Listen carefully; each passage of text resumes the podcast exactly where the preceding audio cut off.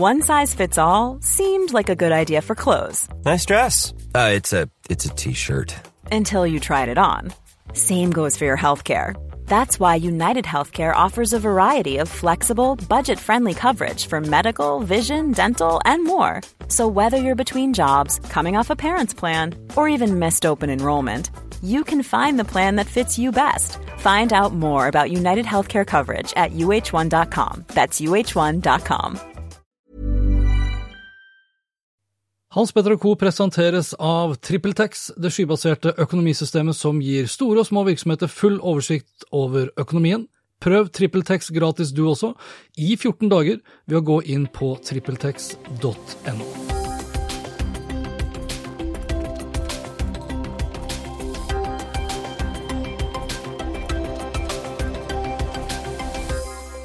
Norge er et av verdens mest digitaliserte land, har vi hørt vår statsminister uttale. Det er sånn halvveis riktig. Altså, vi har et bra mobilt bredbånd, vi har til dels mange gode digitaliserte enkelttjenester, og vi har en særs digital befolkning som har kjøpt seg smarttelefoner, nettbrett og datamaskiner, for å nevne noe. Men det gjør oss nødvendigvis ikke digitaliserte. Og det gjør oss heller ikke ferdig rusta for å håndtere den globale konkurransen i årene fremover, som i økende grad også vil være basert på teknologi og digitale tjenester. I en rekke år så har IT-bransjen selv påpekt at vi mangler tusenvis av fagfolk med spisskompetanse innenfor IKT. Antall studieplasser har således vært en stor utfordring, og en utfordring som vokser i størrelse for nesten hver eneste dag som går. I revidert statsbudsjett, som ble lagt frem nå nylig, så foreslår regjeringen å øke bevilgningen til etablering av 100 nye studieplasser. Og det er peanøtter når vi trenger flere tusen. Digitaliseringsministeren vår er f.eks. i gang med å legge en strategi for kunstig intelligens, men det er nesten meningsløst egentlig, når vi vet at det mangler midler til forskning og studieplasser for å kunne levere på en slik strategi. Gjest denne gang er Liv Freihov. Hun er direktør for næringspolitikk i IKT Norge og har jobbet der siden 2004. Hun er spesielt opptatt av gode rammebetingelser for IT-næringen som sådan, og var ikke spesielt imponert av statsminister Erna Solbergs kompetansesatsing, slik det kom frem av det reviderte statsbudsjettet. Og som hun selv skrev i en kommentar 22. mai, den aller største trusselen for hele det digitale samfunnet er tilgangen på sterke teknologihoder, og her svikter regjeringen kolossalt.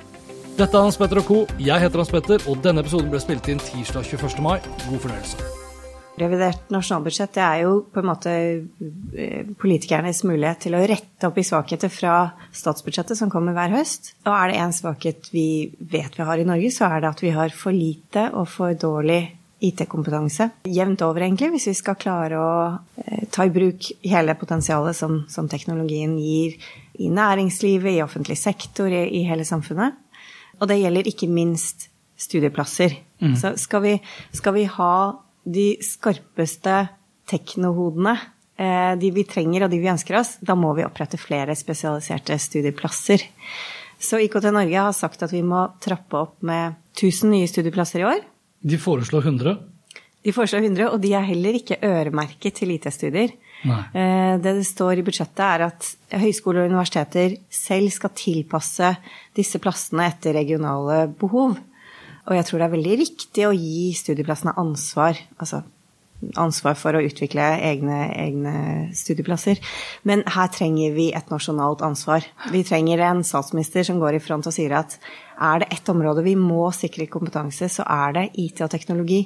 Og vi må huske på at en IT-studieplass koster relativt sett mer enn en god del andre studieplasser. Så det er lett å velge det bort.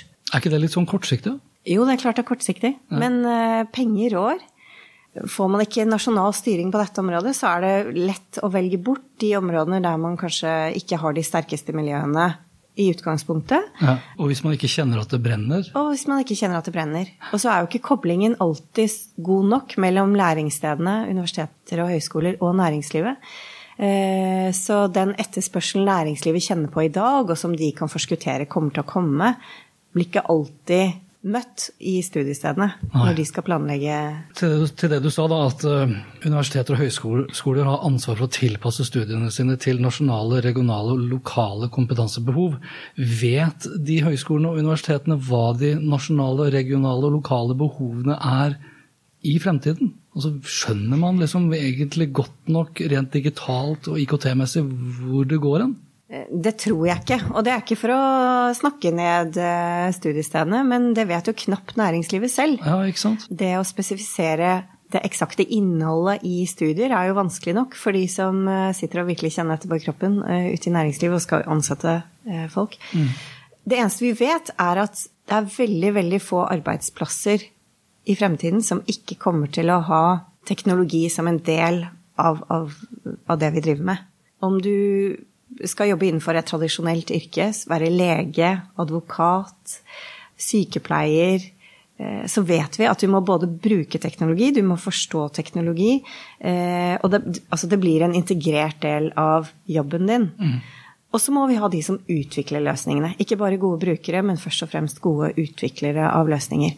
Og det henger jo sammen med behovet vi har i Norge for å ha et konkurransedyktig næringsliv som eksporterer gode IT-løsninger i det her reviderte nasjonalbudsjettet La oss si at dere får 1000. Da. La oss si du er superheldig, og så får dere 1000 studieplasser. Ja. Fra det øyeblikket man får de 100 eller de 1000, når er det man da liksom ser at de er da implementert og tilgjengelige, og, og studenter kan søke på dem? Sånn cirka? Ja, det bør jo skje fra, fra, nå fra høsten av, egentlig. Ok, så raskt. Ja. Så da, da, skal det da dekke et behov som uh, er i markedet da fire til fem år frem i tid, da. Ja, for du kan jo tenke deg de studentene som Nå snakker vi om behov for 5000 nye studieplasser. Ja. Når disse, de som starter sine studier i år, er ferdig la oss si om fire-fem år. Det er ingen som vet hva behovet kommer til å være da. Det, det, eneste vi vet, er at det kommer til å øke. Ja. Det er helt opplagt. Fordi digitaliseringen i offentlig sektor, i hele næringslivet og veksten i IT-næringen, den utviklingen, med den så gir det seg selv at behovet blir stort. Godeste Erna Solberg, for det er det jeg syns er sånn det er det jeg lurer på, liksom, hva ikke de forstår, eller har kanskje IKT Norge ropt ulv, ulv altfor mange år? For så lenge jeg kan huske, så har vi sagt det, at vi trenger mm. flere studieplasser. Mm. Og nå var det vel da Nordisk institutt for studier av innovasjon, forskning og utdanning her for kort tid siden som sa at vi mangler jo 2000 eksperter bare mm. innenfor datakriminalitet og hacking. Mm. Og så har du kunstig intelligens, og så har du datasenter, og så har du ditt, og så har du datt. Det er jo undersøkelser som viser at behovet er enormt. Enormt. Og allikevel så foreslår de da liksom noen skarve millioner og 100 studieplasser. Ja. Til uspesifisert formål. Ja. ja, og jeg får jo sånn inntrykk av når Erna Solberg sier at Norge er et av verdens mest digitaliserte land, ja. så får jeg en følelse av at det hun tenker på, det er bare at vi har, vi har bra mobildekning, mm. og veldig mange av oss har smarttelefoner og nettbrett og datamaskiner. Mm. Og så er vi fornøyd med det. Mm. Men og det kan vi jo ikke være fornøyd med. Så enten så er det hun som ikke forstår det, eller så har hun dårlige rådgivere rundt seg, eller så gjør IKT Norge Abelia en dårlig jobb, da. Altså, altså, jeg tror vi er ekstremt gode brukere da, av ja, eh, de digitale verktøy i Norge. Og det, med det så ligger mye til rette for at vi også skal bli ekstremt gode utviklere. Men der tror jeg vi har bare sviktet eh, nasjonalt og fra myndighetshold vi gir ikke unger mulighet til å bli gode utviklere. Og veldig mye av Lær Kids of Coding f.eks. er jo en grasrotbevegelse, egentlig. Ja. Det kommer ikke fra toppen og nedover i skolevesenet, men det vokser opp fra bunnen av uh, ildsjeler som, som, ønsker å gi barna sine og andre barn muligheten til å lage dataverktøy selv.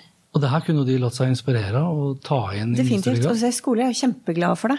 Ja. Eh, men jeg tror lærere gjør virkelig så godt de kan. Men for dem så blir det på en måte som for mange eh, på en arbeidsplass, de får beskjed om et nytt IT-verktøy de skal implementere, og så er det litt sånn uff, litt hassle, og det er på toppen av alt det andre de skal gjøre.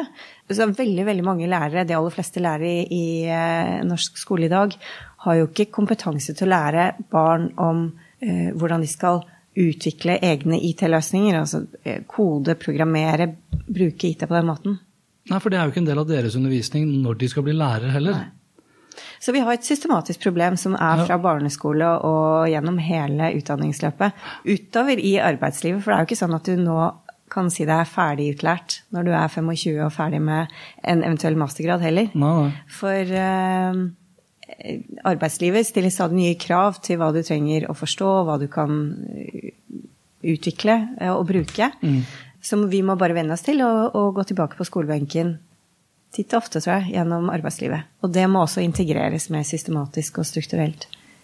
Og det ser du, det ser du altså Det så vi faktisk et lite drypp av ja, okay. i, i, revidert nasjonalbudsjett nå. Nå husker jeg ikke akkurat hvor, hvor stor den bevilgningen var, men det kom uh, en liten bevilgning til videre- og etterutdanning. Og det tenker jeg det er i hvert fall en innrømmelse av at det er noe vi må satse på. Ja. Og det var spesielt til uh, IT-fag. En innrømmelse av at vi er faktisk ikke ferdig utlært. Det er ikke sånn som det var for, uh, for 10-20 år siden. Nei. Men er det, noen, eh, er det noen, forståelse av type konsekvenser? Også, det er også et litt sånn stort spørsmål, for jeg har en sånn følelse, og så kan du korrigere meg om jeg tar helt feil. Men hvis du, ikke, hvis du sitter som en eh, hvis du sitter som en statsminister, da, du sitter i regjering og du sitter og bestemmer, og du ser ikke at dette er et problem som er veldig langt foran deg, mm. så forholder du deg gjerne til den regjeringsperioden du først har. Mm. Og Hvis ikke det er et problem sånn sett, vi har lav arbeidsledighet, vi er forholdsvis bra digitalisert, vi har i hvert fall bra teknologiske hjelpemidler tilgjengelig, og eh, det er god økonomi i Norge. Blir det ikke litt sånn at man skyver liksom Man skyver ikke problemene foran seg engang, for man opplever ikke at det er et problem. Mm. Altså skal du vinne et valg, ja. Så du skal bruke penger der hvor folk syns det er fornuftig å bruke penger. Som berører deg direkte i hverdagen. Og på kort sikt. Riktig. Så det å gjøre store investeringer som gir avkastning langt frem i tid, ja. som bl.a. Eh, å endre utdanninger eh, til noe veldig mange i dag kanskje ikke ser det store behovet for, ja. Det krever både penger og kanskje også eh, politisk goodwill. Så det krever virkelig modige og visjonære politiske ledere å ta tak i sånne Gjøre sånne løft. Og det som er synd i Norge, er at vi har vi er så heldigstilt. Vi har, vi har det så godt. Vi har så god økonomi. Næringslivet går Det går egentlig så det suser i Norge. Ja. Derfor prater vi mest om bompengepolitikk. Ikke sant. Og så har vi, så vi har muligheten til å ta noen store grep. Vi får ikke Du får ikke dratt noen svære hjul i gang ved noen små drypp her og der hele tiden. Nei. 100 nye studieplasser til uspesifisert formål. Du, du får ikke gjort noen byks eh, for Norge og vår fremtidige konkurransekraft som en teknologinasjon på den måten. Nei, og vi kunne jo, altså i og med at vi har i og med at vi har det så godt, da, og, vi har tilgang til så mye teknologi, så kunne vi f.eks. ha satt oss et mål av eh, Vi ønsker å bli en sånn storeksportør av uh, kunstig intelligens-teknologi. da. Det kommer vi antakeligvis ikke til å bli. Nei. For vi kommer antakeligvis til å kjøpe mye kunstig intelligens. For vi har jo ingen, har vi studieplasser nedfelt nå? Altså, eh, og det er interessant at du sier det. Det var også noe vi tok opp nå i forbindelse med revidert. For vi har fått gjennomslag for å få en en eh, nasjonal AI-strategi. Regjeringen mm. jobber nå med å utvikle en strategi for en norsk strategi for kunstig intelligens. Og det er kjempebra, fordi eh, den skal ta tak i både potensialet for næringslivet, den skal ta tak i de litt mer problematiske sidene, som, eller spørsmålene, som vi må ha tenkt godt igjennom når det kommer til kunstig intelligens. Men det følger ingen midler til verken forskning eller studieplasser til en sånn strategi. Nei. Og hva skal vi med en strategi hvis ikke vi også kan utvikle et sterkt miljø for kunstig intelligens i Norge? Og her skjer ting så raskt, og du har land som Kina, USA, men også andre europeiske land, Frankrike bl.a., som har vært tidlig ute og sagt at kunstig intelligens må vi forske på og satse på og ha en klar strategi på hvordan vi skal bruke for å posisjonere næringslivet vårt, teknologimiljøene våre, eh, men også ha, ha gjennom, gjennomtenkte eh, svar når det kommer eh, problematiske Altså vanskelige problemstillinger som dukker opp rundt, rundt kunstig intelligens. Med den nasjonale AI-strategien vi får i Norge, så kommer vi i hvert fall etter, og vi er ikke, vi er ikke sist ute med en nasjonal AI-strategi. Men det kommer ikke noe eh, Vi får ikke noe slagkraft, for det kommer ingen midler eh, Nei. til praktisk, altså til, til, næringsrettet forskning, til øremerkede studieplasser innen AI. Altså, dere, dere, jobber jo bl.a. med noen av de største toneangivende teknologiselskapene i Norge. Tror du at vi kommer til å se noen av de selskapene ta et sånn privat initiativ i mye større grad til å opprette liksom studieplasser på vegne av om det er Telenor, eller om det er Google, eller om det er eh, mm ja, altså andre næringer rett og slett, da, som ikke kan vente? Eller må de bare flagge ut virksomheten sin og ansette folk fra utlandet? Jeg tror vi går eh, nok i en retning av større samarbeid mellom teknologien, eh, altså næringsliv som jobber med teknologi, IT, mm. og universiteter på samme måte som vi har hatt det mellom universiteter og, og energi-, olje- og gassektoren. De har samarbeidet mye mer om eh, doktorgrader og, og studieplasser tidligere. Eh, det har ikke vært så mye kultur for det mellom IT-næringen og universiteter foreløpig, men det tror jeg vi vil se mer av. Mm. Og så tror jeg du vil få eh, bedrifter som går sammen rundt eh, forskningsmiljøer. Men eh, altså, en interessant utvikling hvis vi ser eh, næringslivet selv opprette egne studieplasser. Altså, De burde jo på en måte gjøre det. Altså, hvis du tar DNB, da. Ja. Nå er det jo liksom veldig mye innenfor fintech-utvikling, det er mye innenfor edtech-utvikling, du ser hva Kahoot gjør osv. Så så, så de, og de vil jo trenge eh, økende kompetanse innenfor også da nye fagområder.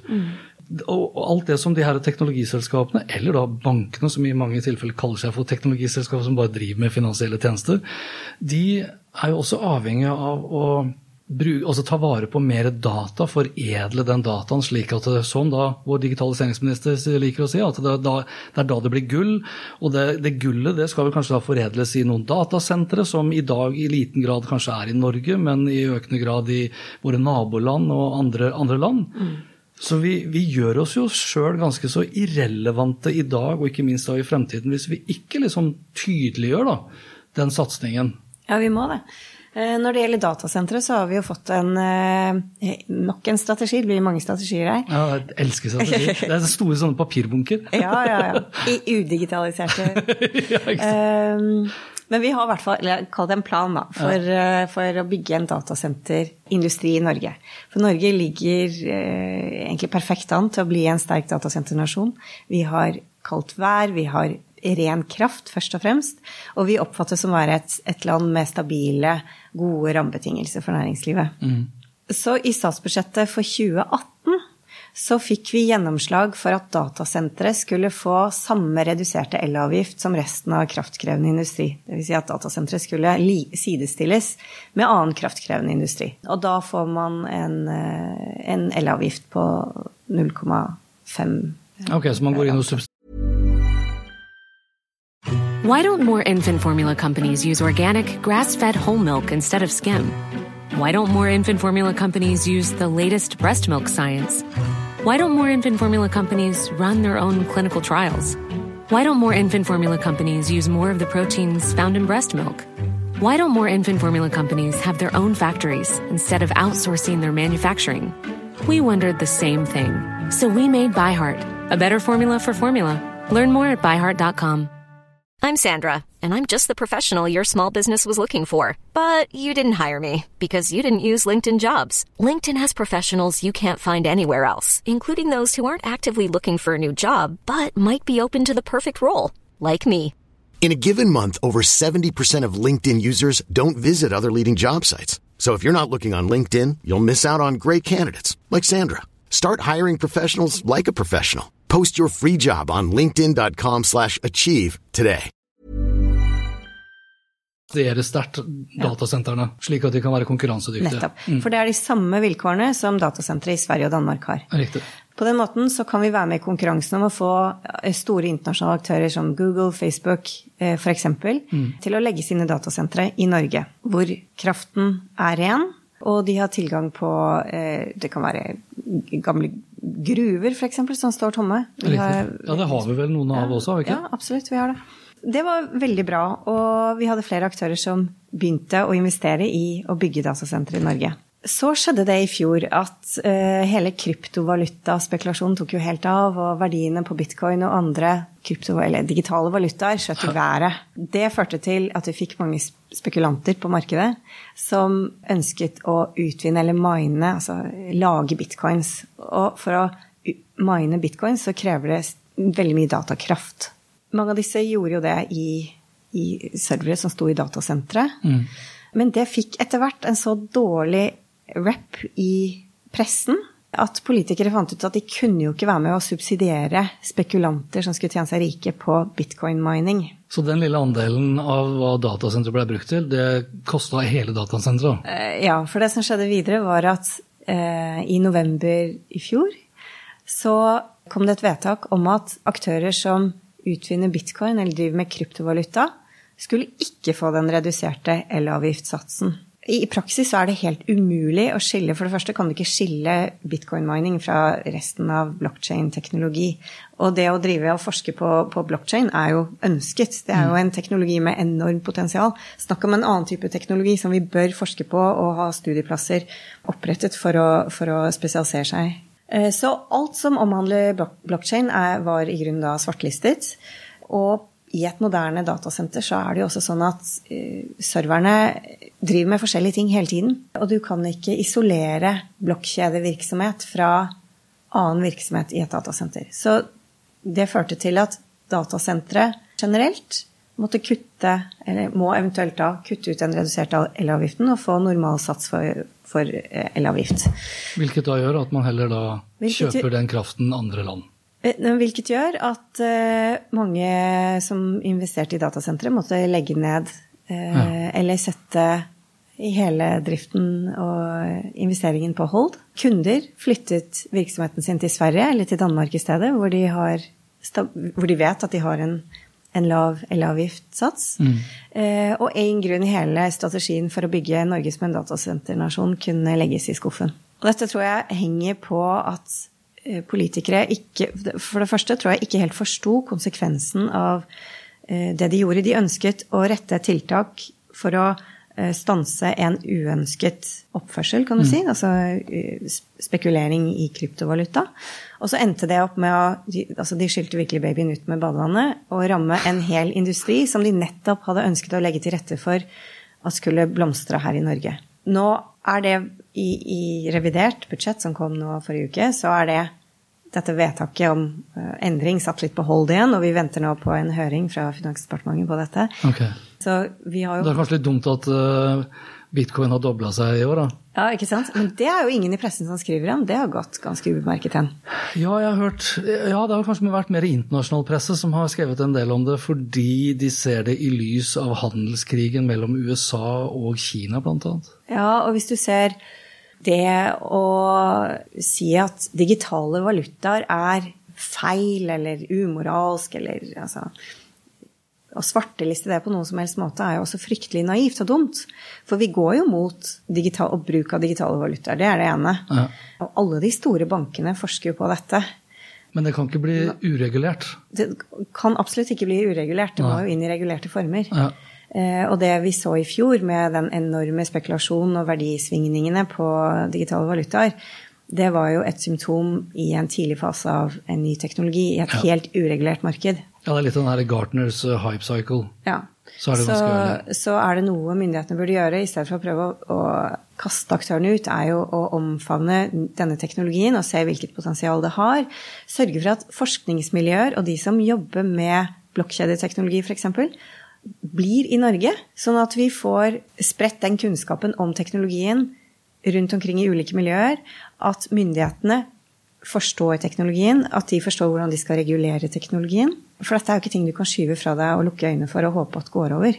Men da er du jo avhengig av å kunne tenke litt mer langsiktig, da. Ja. Jeg husker jo hvis man skal begynne å liksom mimre tilbake i gode gamle dager, når, når IT-bransjen var liksom ja, Det var vel i ferd med å gå inn i dotcom-boblen, tror jeg så hadde vi en IT-minister. Og da var liksom målsetningen til Norge veldig, de var veldig grandiose sånn sett. Vi skulle bli liksom den ledende nasjonen innenfor informasjonsteknologi. Da var det Arbeiderpartiet. Grete Knutsen var det vel som satt da som, eh, som IT-minister. Og så ble det med den grandiose talen, eller det strategidokumentet. Mm. Og så kommer det nytt regjeringsparti inn, og så skal de sette sitt preg på det. Og så får vi en digitaliseringsminister nå som skal mm. sette sitt preg på det. Mm. Hvert fall da i form av gode presentasjoner og liksom presseomtale og et mm. feit strategidokument. Men vi ser jo ikke, så, vi ser jo ikke konturene av en langsiktighet. Det er litt sånn som infrastruktur generelt, da. Og da tenker jeg på veier.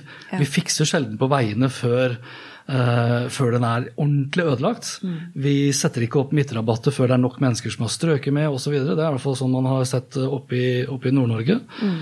Bredbåndsutbygging f.eks., som i kanskje 20 år nå har vært definert som samfunnskritisk for at Distrikts-Norge skal overleve, mm. så er vi fortsatt ikke der at alle har bredbånd allikevel.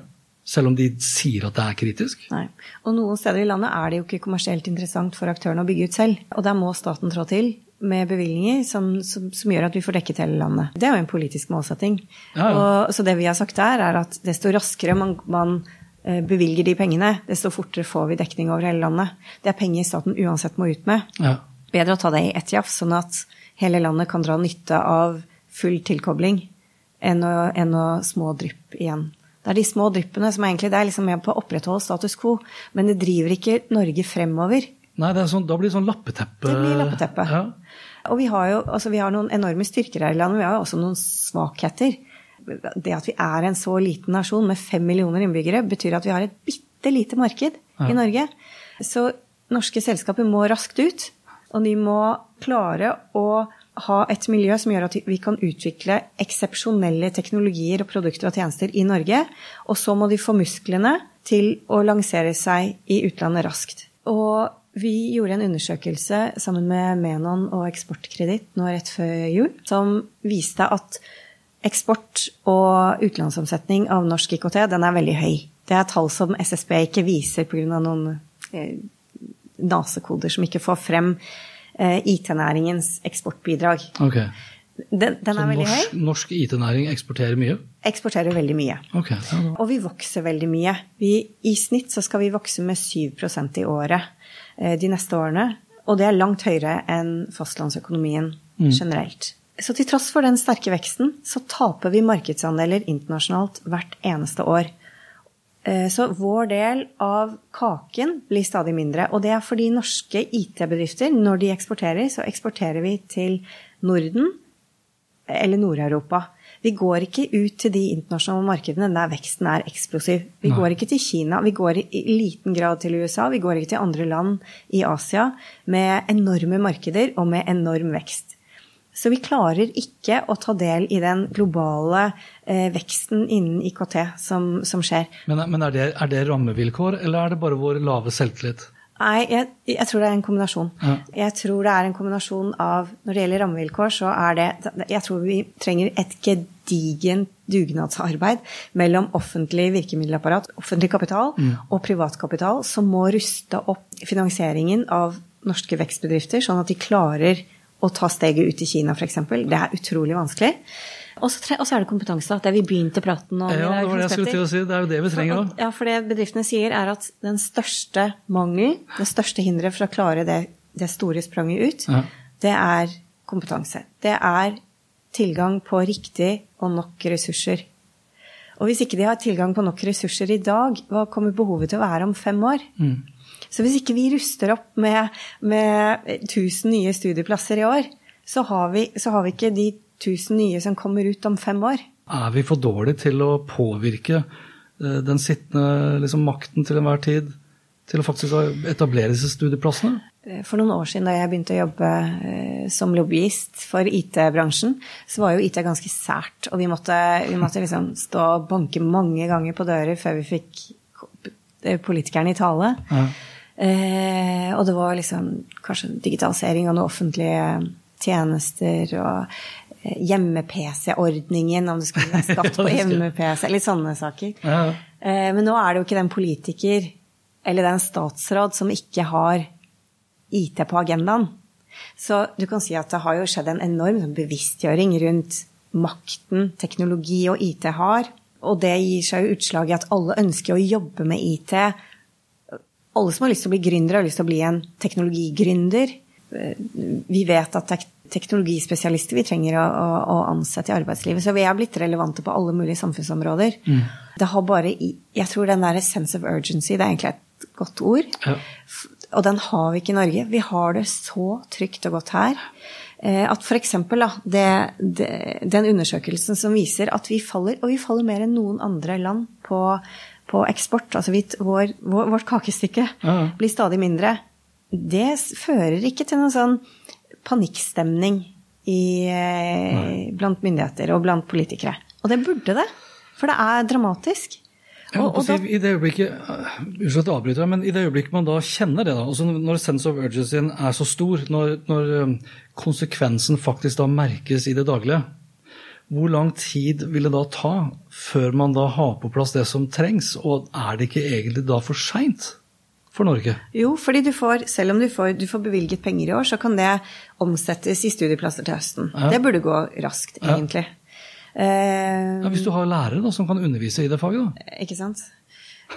Men effekten av det ut i næringslivet får du jo ikke før om fem år. Riktig. Så du har en forsinkelse der hele veien. Så vi er nødt til å forskuttere liksom behov fem, minst fem år frem i tid, når Ja. vi ser på antall studieplasser vi skal bevilge for i år. Det eneste vi kan gjøre Du sier at du, har hørt IKT Norge snakke om disse studieplassene så mange ganger at kanskje politikerne har gått gått Ja, jeg synes det er mange som snakker om studieplassene. Det er mange som snakker om studieplassene. Ja. Og vi kan ikke slutte å snakke om studieplassene. Nei. Eh, Vi må bare Vi blir jo lei av det selv iblant. Eh, Men uh... Det er liksom to, to ting som har gått gjennom i de alle år jeg har vært sånn direkte involvert i IT-bransjen. og Det har vært studieplasser og lav kvinneandel. Og nå begynner vi å se konturene av noe høyere kvinneandel. Men vi ser jo, og, og, og det andre vi ser da innenfor studieplasser, er bare at IKT-fagfeltet blir bare bredere og bredere. Så behovet blir også bare større og større, samtidig som ikke det bevilges noe særlig mer. Jeg, jeg bare, det er der jeg sliter med å forstå hvor realitetsorienterte politikere og næringsliv og journalister og, med, og egentlig alle, da. Ja. Men jeg tror, sånn sett så er det smart av politikerne å si at ok, 100 nye studieplasser, så er det opp til studiestedene selv å tilpasse eh, på den måten at er det en, et universitet som ønsker å utvikle et studie innen blokkjede f.eks., en spesialisering innen det, så bør de gjøre det. Det tror jeg ikke nødvendigvis politikerne han, har nok kunnskap til å, til å, å peke på spesifikke områder innen IT som det bør forskes på, eller Ok, Men kan det tenkes da at ut av den ehm, ut av den kunstig intelligens-strategirapporten fra digitaliseringsministeren, så kommer det liksom konkret liksom, dette må vi gjøre. Eh, her må vi allokere studieplasser, her må vi sette inn midler, her må vi sette inn trykk osv. Ja, altså det jeg håper er jo at nå, nå kommer den strategien i, i høst, Ja. eh, og at det fører til noen bevilgninger i statsbudsjettet for, 2019, eh, for 2020. ja, riktig. Det er jo det vi kan håpe på, egentlig. Ja. Revidert er jo alltid bare en justering. Statsbudsjettet som kommer på høsten, det er da de store bevilgningene og de store endringene som regel kommer. Eh, og når vi nå har besluttet å få en AI-strategi, så må det følges opp av eh, bevilgning til forskning og studieplasser. Og det kan ikke være små drypp. Det må være en ordentlig satsing. Ja, og Hva er en ordentlig satsing i kroner og øre? Nei, Vi, snakker vi millioner, eller snakker vi milliarder? vi snakker en halv milliard. Ikke mer. Vi mener de bør i hvert fall være det første året. Første året. Hva er sannsynligheten for at vi får det, tror du? Hvis vi skal gjette nå. Så runder vi av. Nei, jeg, det kan jeg jo ikke si, for jeg vil jo ikke, jeg vil jo ikke, jeg vil jo ikke dempe presset på politikerne. Altså, man får jo sjelden alt det man ber om. Men, men eh, hvis politikerne ser hva som skjer i andre land, og de ser altså, Du kan ikke lenger snakke om en nasjonal næring. Er- altså IT-næringen og teknologiutviklingen er global. Og AI går inn i absolutt AI alt. går inn i absolutt alt. Og vi ser det at det er noen deler av verden som eh, det kanskje er mer problematisk å, å jobbe med enn andre. Og det er smart av Norge å utvikle et sterkt miljø som kan utvikle gode tjenester her i Norge, bygget på norske verdier, norsk tankesett og, og med norsk kompetanse. Det har vi alt å tjene på.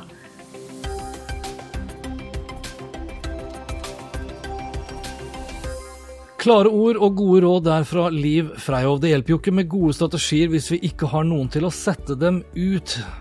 Det hjelper fint lite med et bra mobilt bredbånd og mange smarttelefoner hvis vi ikke klarer å ruste opp vår egen IT-kompetanse. Og 100 studieplasser overlatt til skolene selv å tilpasse basert på eget behov, er rett og slett ikke godt nok. Vi føler kanskje ikke at det brenner under beina akkurat nå, men når det begynner å brenne, så vil det også være for sent. Som Liv selv skrev i sin kommentar til det reviderte nasjonalbudsjettet, og lenke til den kommentaren legger jeg ut selvfølgelig på Hans Petter Ottinfo, så sier hun at det er et politisk ansvar å sørge for at Norge er rustet med nok IT-kompetanse til å håndtere behovet for teknologer i fremtiden. Her må regjeringen vise handlekraft og ta et nasjonalt ansvar. Det viser de heldigvis villig til, med en liten bevilgning på 10 millioner til etter- og videreutdanningstilbud innenfor digitalisering, IKT-sikkerhet og områder til det grønne skiftet. 10 millioner kroner er nesten ingenting. Ingen er lenger ferdiglært når de er 25 år, skriver hun, og livet fremover blir en reise der vi titt og ofte må innom skolebenken igjen. Og igjen, velkommen til Kompetanse i konstant flyt. Og dette var det for denne episoden. Liker du det du hørte og vil forsikre deg om at du får med deg de neste episodene, da vet du hva du gjør. Da abonnerer du på Hans Petter og Co. på Apple Podcaster eller på Spotify, Google Podcast, Overcast, Acast eller TuneIn Radio. Inntil neste gang, vær nysgjerrig, for det er den beste måten å møte vår digitale fremtid på.